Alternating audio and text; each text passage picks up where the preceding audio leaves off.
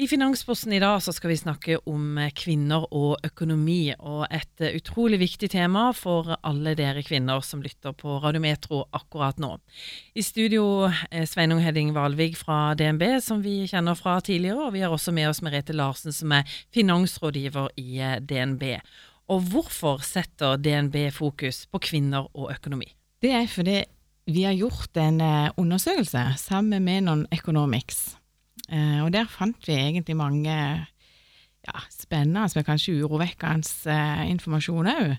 Eh, så vi syns det, det, er viktig i likestillingsdebatten òg.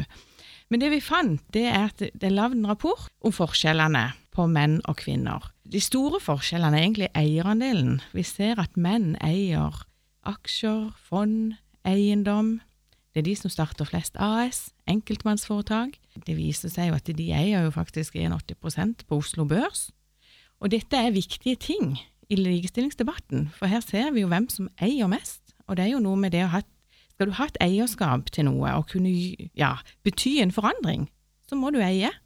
Så her ser vi at kvinner må på banen og må eie mer. Men eh, hvorfor er det så store forskjeller? Det handler eh, rett og slett om at vi menn eh, av og til tar mye plass. Vi eier 21 eh, av Oslo Børs. Vi eier mye av sparemidlene. Vi ser at norske menn stort sett er de som starter selskaper. Og når man da eier, så får man ofte i større grad være med å bestemme. Bestemme hvordan pengene brukes, forvaltes, utnyttes. Og det setter oss eh, i en situasjon hvor dette gapet, som vi kaller det, kapitalgapet, mellom kvinner og menn øker. Og her er jo utfordringa nå som vi kommer i DNB, til alle kvinner. Dere må på banen. Må, dere må opp i stolen og interessere dere for investering. Mange gjør det, men altfor få. Men hvorfor er det alltid kvinner? Hvorfor det alltid er kvinner? Nei, skal vi huske på at mange kvinner faktisk investerer også. Eh, og det er mange samfunnsmessige ting som gjør det. Eh, blant annet kan vi eh, hoppe ned og se på når man er hjemme med, med barn. Så er det ikke alle som husker på at da synker faktisk pensjonen. Og det blir en av disse forskjellene. Dere nevnte dette kapitalgapet. Kanskje vi skal få høre litt mer om hva dette egentlig er? Kapitalgapet er jo den store forskjellen på eh, kapitalinntekt blant menn og kvinner. Vi ser jo at det er en enormt stor forskjell. Um, bare i fjor så tjente 81% av de som tjente over en million i fjor, var menn. Så det betyr at det er 19 som tjente over en million i fjor, var kvinner. Så bare der har vi jo et enormt gap på inntektssida.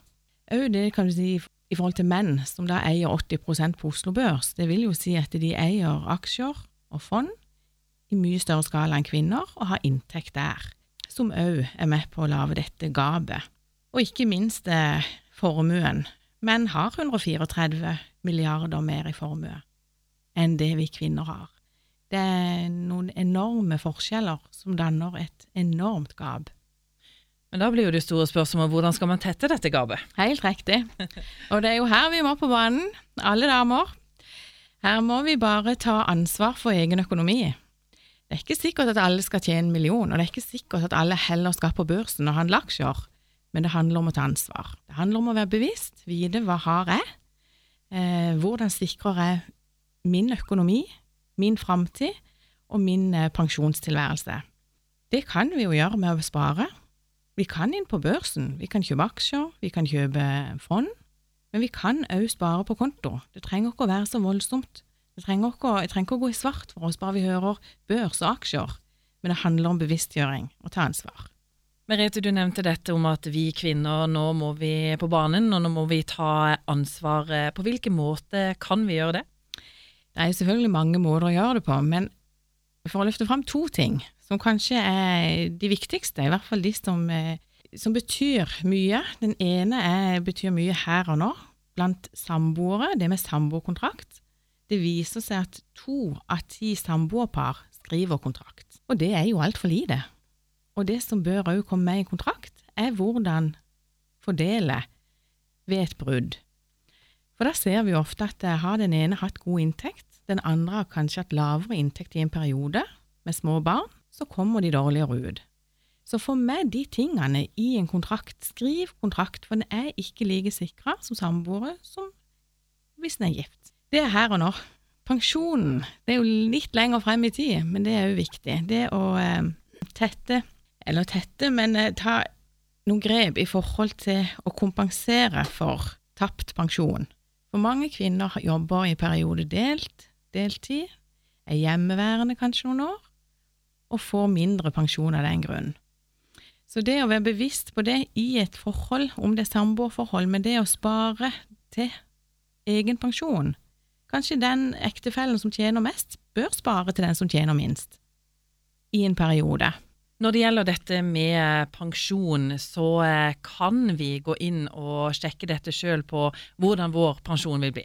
Det er jo eh, ei side som heter minpensjon.no, så der anbefaler jeg jo alle å gå inn og sjekke. Det er jo uavhengig om du er kvinne eller mann, men det å ha et bevisst forhold til hvordan blir min pensjon, er kjempeviktig, så det bør alle gjøre. Eh, nå lever vi jo i en veldig teknologisk eh, verden, så det er mange hjelpemidler, og DNB har annet en app som heter Spare. Og Da er det viktig å presisere at du trenger ikke være kunde i DNB for å ha den appen, men du kan laste den ned, og du kan gå inn, og der òg kommer du rett inn på Min pensjon, for å se hva forventa pensjon vil bli. I disse appene, det er helt sikkert flere òg, men der kan du òg få beregnet ut anbefalt sparing for å, hvis du vil opprettholde den inntekten du har i dag, eller kompensere litt for det gapet. Så det er mange gode hjelpemidler. Og jeg vil tro at det er veldig mange som ikke har oversikt over egen pensjon. Veldig. Det møter vi hver dag, og det er det vi nå bare må ja, ha som et budskap.